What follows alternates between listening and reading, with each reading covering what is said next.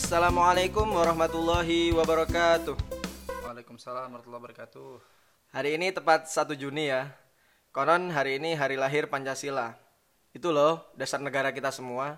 Pada hafal kan? Ketuhanan yang Maha Esa, kemanusiaan yang adil dan beradab, persatuan Indonesia, kerakyatan yang dipimpin oleh hikmat kebijaksanaan dalam permusyawaratan perwakilan, keadilan sosial bagi seluruh rakyat Indonesia. Nah, tapi nih, bagi sebagian orang ada yang menganggap Pancasila ini produk kafir. Jadi ya nggak perlu kita lafalkan, apalagi sampai dihafalkan gitu. Nah, tapi tenang. Podcast kita kali ini akan coba bahas masalah itu bersama dengan Mas Salman Al-Farisi. Nah, kita sapa dulu ya Masnya. Halo Mas, Assalamualaikum. Waalaikumsalam. Apa kabarnya Mas?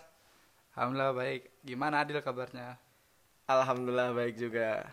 Ya, Mas Salman ini adalah Ketua Indonesia tanpa jil ya, chapter Solo, dan eh, beliau merupakan sarjana hukum. Wah, ini jadi pas banget nih ya Mas ya.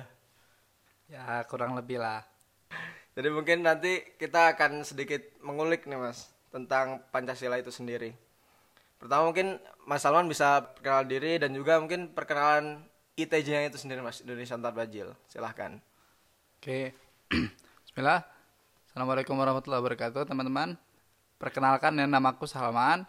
Salman Al-Farisi biasa dipanggil Salman, biasa dipanggil King juga bisa. Kebetulan aku orang Bekasi, tapi sekarang tinggal di Solo ya. Kul- Kuliah Fakultas Hukum kemarin di Jogja di Universitas Islam Indonesia. Sekarang tinggal di Solo bersama istri dan anak. Oke, eh, itu sedikit perkenalan tentang aku ya. Kalau misalkan eh, teman-teman bi- mau silaturahim bisa datang ke Palur, Solo. Di lebih tepatnya sih Palur itu di Sukoharjo ya, lebih tepatnya di Sukoharjonya. Ya sedikit tentang ITJ. ITJ itu sebenarnya merupakan gerakan hashtag awalnya. Itu apa sih untuk semacam memberantas kegiatan-kegiatan para Islam liberal dan itu kemudian eh, membesar menjadi gerakan yang berpusat pada sosmed akhirnya berada di beberapa lokasi di Indonesia. Akhirnya ya bisa sebesar sekarang ini kita lebih menginduk ke insis daripada organisasi yang lain. Ya kurang lebih itu mas.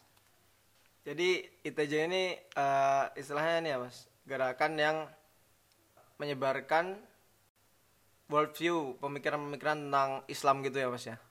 Ya bisa dibilang seperti itulah kurang lebih seperti itu Kayaknya pendengar julid produktif sekalian harus banget nih gabung ITJ ya Mas ya.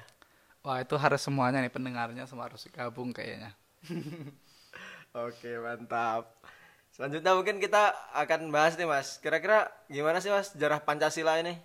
Mungkin bisa diceritakan gitu. Oke, sejarah Pancasila ya sedikit. Jadi Pancasila itu sebenarnya dari sejarah kita bisa lihat itu dari tiga fase, tiga fase Pancasila. Yang pertama tanggal 1 Juni ya sekarang ya.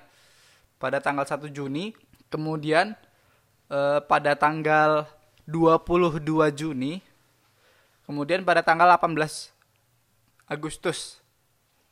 Jadi selisih yang pertama sama yang kedua itu selisih sekitar 21 hari. Lalu eh, yang kedua dengan yang ketiga itu selisih seki- se- sekitar beberapa bulan saja.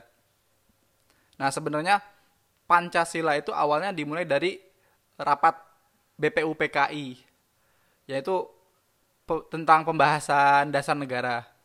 Jadi sebenarnya Indonesia itu ketika merdeka nantinya, karena ini belum merdeka ya, masih 1945 tanggal 1 Juni. Nah, ini mereka belum masing-masing membahas dasar negara. Dasar negara ini nanti Indonesia akan seperti apa. Nah, ini Indonesia ini ketika dibahas itu ada beberapa usulan. Yang pertama itu adalah usulan Soekarno. Usulan Soekarno. Nah, usulan Soekarno ini ada lima. Tapi kemudian bisa diperas menjadi tiga. Kemudian bisa diperas menjadi satu, yaitu gotong royong. Jadi, eh, yang sebelumnya lima, diperas jadi tiga, diperas jadi satu itu sebenarnya itu adalah intisari dari Pancasila. Nah, intisari dari Pancasila ini adalah gotong royong. Pancasila yang lima yang diperkenalkan oleh Soekarno itu tidak sama dengan apa yang kita kenal Pancasila yang sekarang. Jadi istilah Pancasila ini ada lima asas ya. Ini tidak seperti Pancasila yang kita kenal sekarang yang ada lima itu. Nah, jadi berbeda. Nah, kemudian diperkenalkan juga dasar negara yang kedua oleh uh, Ki Bagus ya, Ki Bagus. Ki Bagus itu dia versi Islamnya, versi Islamnya. Jadi negara itu berdasarkan asas ketuhanan dan sebagai dan dan selanjutnya dan selanjutnya gitu. Nah, ini lebih kepada nasionalis Islam kelompoknya. Nah, terus yang ketiga juga ada dari siapa gitu. Nah, itu juga memperkenalkan Pancasila dengan versinya. Nah, kemudian itu dari rapat BPU PKI tersebut akhirnya dirumuskanlah sembilan panitia yang kita kenal dengan panitia sembilan itu untuk menjadi perumus piagam Jakarta. Nah, dari panitia BPU PKI ini kan ada sekitar 60 sekian orang. Nah, kemudian dibentuklah sembilan orang panitia khusus untuk merumuskan piagam Jakarta. Akhirnya dibentuklah salah satunya Soekarno, Muhammad Hatta dan teman-teman yang lain. Nah, ini dari piagam Jakarta ini kemudian muncul frase yang hampir kita kenal dengan Pancasila yang sekarang. Salah satunya adalah kalimat e, di awal ya di pembuka di piagam Jakarta itu ada ketuhanan yang maha esa dengan menjal, dengan kewajiban menjalankan syariat Islam bagi para pemeluk-pemeluknya.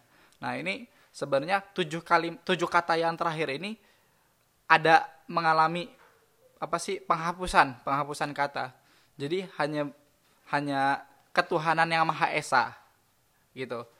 Nah jadi awalnya kan ada ada ini ada tujuh kata tadi ya dengan kewajiban menjalankan syariat Islam bagi para pemeluk-pemeluknya. Awalnya ada tujuh kata itu kemudian dihapus. Kenapa kenapa dihapus? Karena awalnya nih eh, ketika Muhammad Hatta berada di rumah Laksamana Maida atau Admiral Maida itu ada asistennya yang namanya Nisiyama. Nisiyama ini menyampaikan kepada Bung Hatta ketika itu e, bahwasanya ada seorang tamu, utusan. Akhirnya diterimalah utusan tersebut oleh Hatta. Nah, oleh Hatta itu kemudian didengarkan katanya mereka tidak sepakat dengan piagam Jakarta. Kenapa tidak sepakat? Karena di situ ada frase yang tadi itu. Seolah-olah piagam Jakarta ini ingin menjadikan Indonesia itu negara Islam. Padahal kalau misalkan kita lihat ya, ada tujuh kata itu sebenarnya itu hanya menjalankan kewajiban menjalankan syariat Islam bagi para pemeluk-pemeluknya. Itu kan sudah jelas gitu. Artinya kita sebenarnya tidak butuh pakar hukum tata negara, kita tidak tidak butuh uh, pakar bahasa untuk menafsirkan hal tersebut. Itu kan sudah jelas bahwasanya syariat Islam itu hanya berlaku bagi para pemeluk-pemeluknya. Tapi di situ apa sih orang orang utusan tersebut ya tetap protes. Mereka tidak ingin ada kalimat itu di apa sih di piagam Jakarta. Akhirnya Hatta bersama dengan tiga orang itu berunding. Salah satunya adalah Ki Bagus ya Ki Bagus Hadikusuma itu PP Muhammadiyah dulu ya. Itu berunding dan akhirnya mereka sepakat untuk menghapus tujuh kata tersebut. Artinya ini merupakan toleransi, toleransi dari para pemimpin Islam ketika itu. Nah, kemudian itu pada Piagam Jakarta itu di, diresmikan pada tanggal 22 Juni ini sudah fase kedua.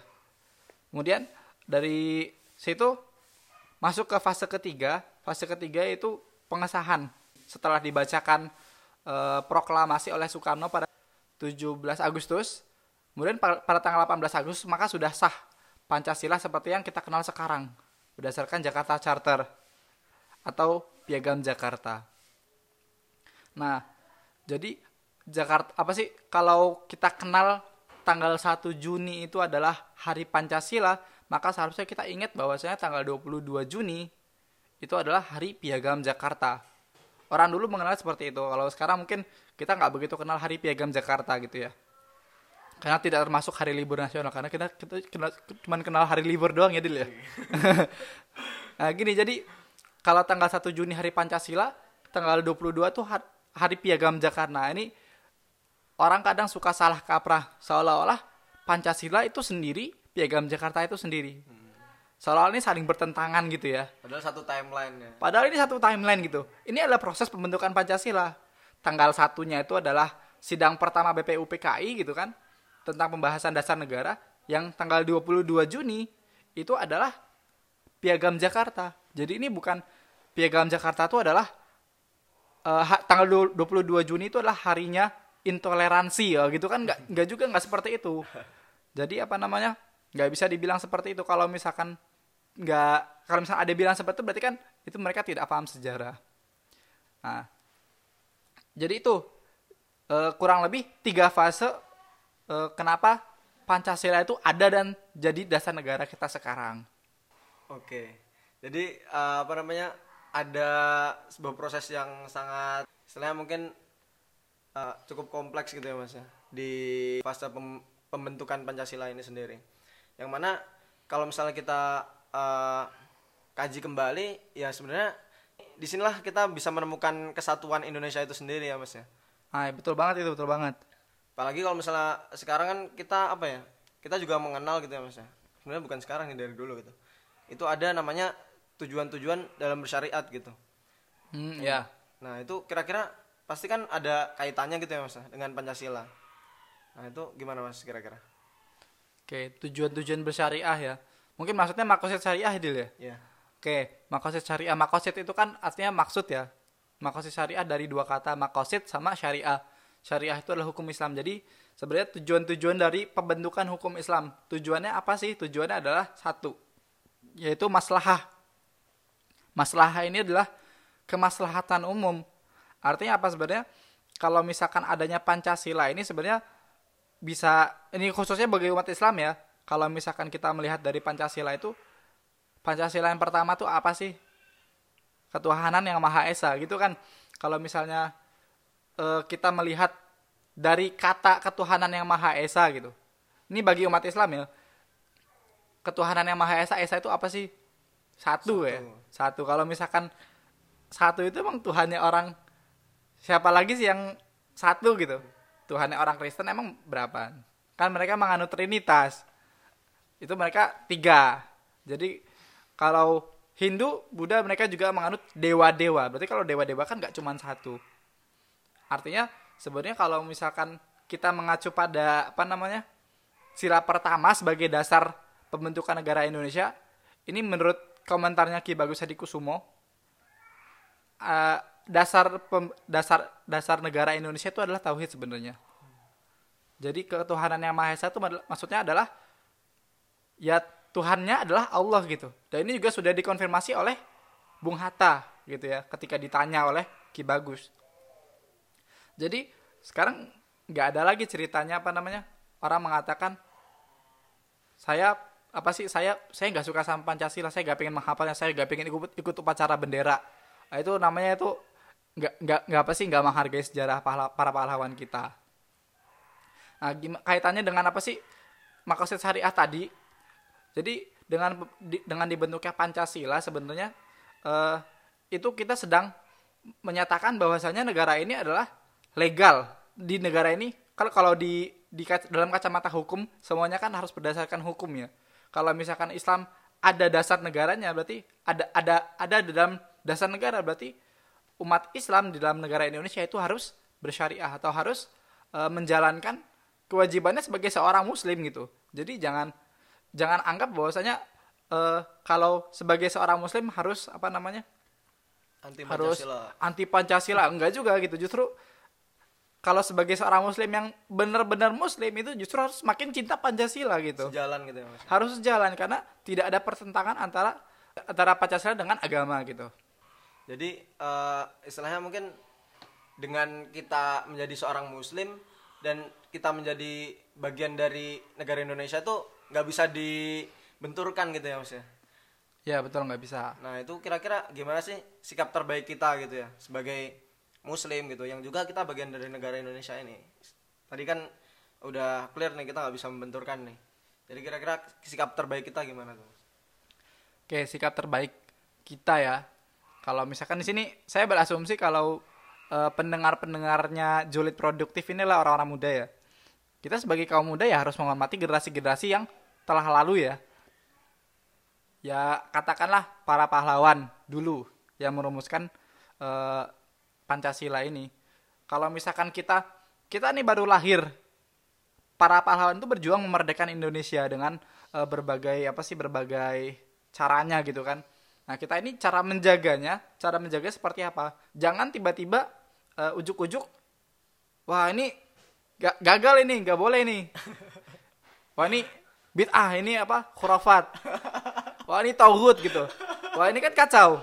Di sini ada apa sih sesat pikir namanya. Kalau misalnya kita baru lahir kita tidak kita tidak baca apa itu Pancasila, kita tidak memahami apa itu Pancasila, tiba-tiba mengatakan seperti itu kan itu namanya kita tidak bersyukur atas pemberian Allah berupa kemerdekaan gitu ya. Yang sekarang kita terima itu adalah Pancasila gitu, dan sebagai dasar negaranya.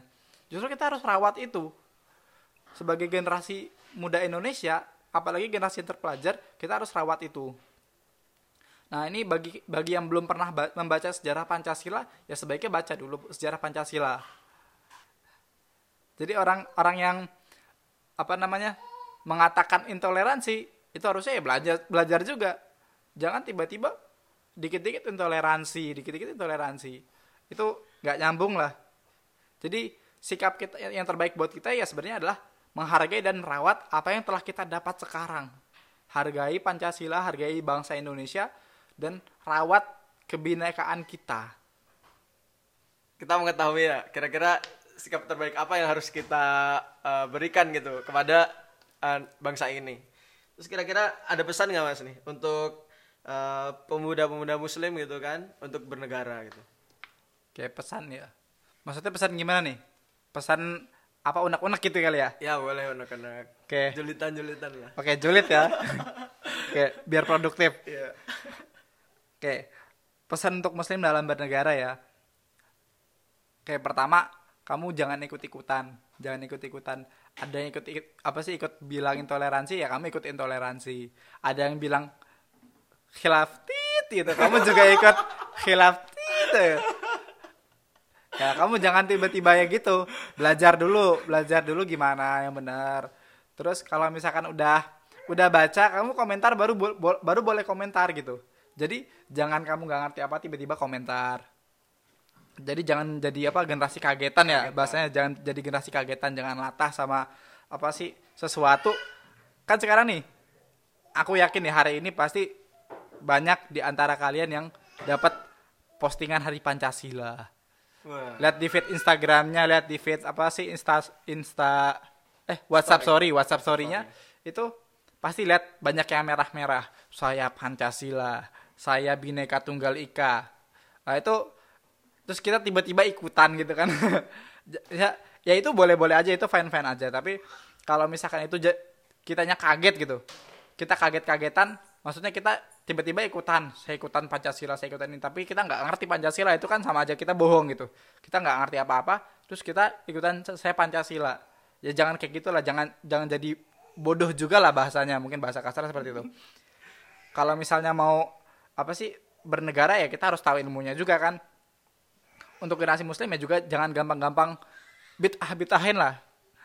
Sedikit-sedikit sedikit-sedikit apa namanya wah ini khurafat sedikit-sedikit khilafah itu yang nggak nggak ini juga lah jadi yang paling penting itu belajar dulu belajar dulu yang penting kita tahu apa yang kita lakukan gitu kita tahu apa yang kita Bicarakan. eh, bicarakan juga kita kurang lebih seperti itu Oke. Terima kasih banyak Mas Salman atas ilmunya yang luar biasa nih. Nah, jadi begitu ya teman-teman. Kita sebagai generasi muda yang juga mungkin muslim juga sebagian pendengar ya. Itu kita harus eh, meninggikan lah gitu. Nilai-nilai yang kita dapat dari Pancasila ini gitu. Ya dari sejarahnya kita bisa mengambil tadi ya.